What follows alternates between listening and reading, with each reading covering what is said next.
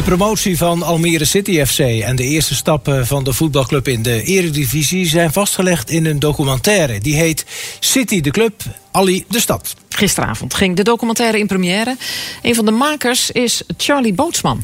Ja, een heel bijzonder gevoel. Ik vind het sowieso bijzonder dat hier eh, een hele delegatie is van de businessclub en van de club zelf. Dus uh, ja, ik vind het wel spannend.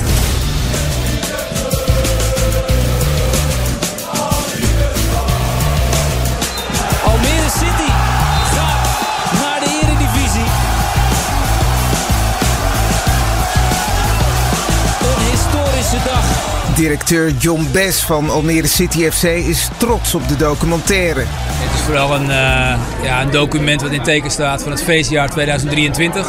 Met alles wat er met de club gebeurd is. City de club,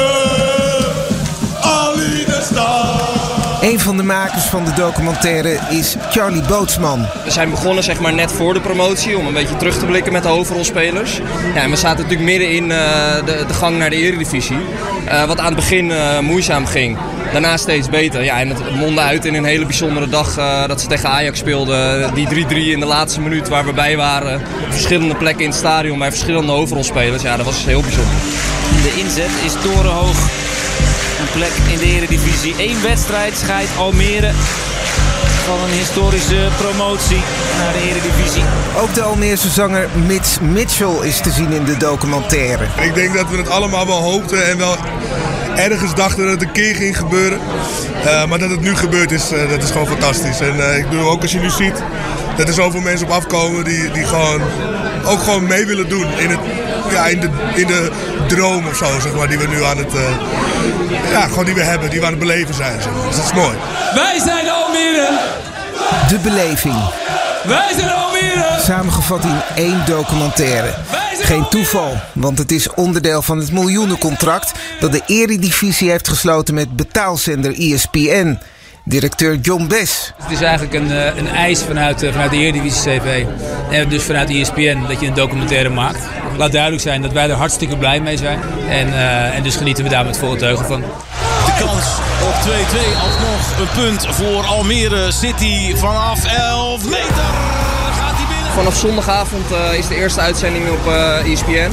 En uh, daarna wordt hij telkens herhaald. En ik neem aan dat hij ook daarna op het uh, YouTube-kanaal van de club te zien is. Dus uh, ja, iedereen kan hem kijken. City de club, Ali de stad. Bericht uit binnen- en buitenland. Als Donald Trump president wordt en besluit om uit de NAVO te stappen... zoals hij al een paar keer heeft gedreigd... dan moet Nederland veel meer geld in defensie steken. Dat zei demissionair minister Ollongren in Nieuwsuur heel theoretisch. Hè? Stel dat de Amerikanen uh, zeggen, nou, wij doen niks meer in die NAVO. Echt, ik verwacht dat totaal niet. Maar dat betekent gewoon heel simpel dat wij onze defensieuitgaven moeten verdubbelen. Dus dan is 2% niet meer genoeg. Dan moeten we denken aan 4%. Ze denkt dat het zover niet komt, maar ze vindt wel dat uh, de NAVO-lidstaten daarover moeten nadenken. Ajax heeft nog kans om zich te plaatsen voor de achtste finales van de Conference League. Tegen het Noorse Bodo Glimt werd het op het allerlaatste moment 2-2.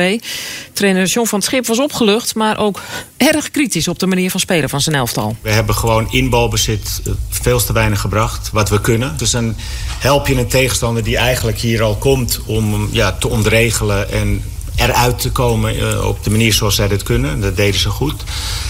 Um, maar het lag voor een heel groot gedeelte ook aan de wijze waarop wij in de eerste helft speelden. Volgende week donderdag is de return in Noorwegen. Eerder op de avond speelde Feyenoord in de Europa League met 1-1 gelijk tegen AS Roma.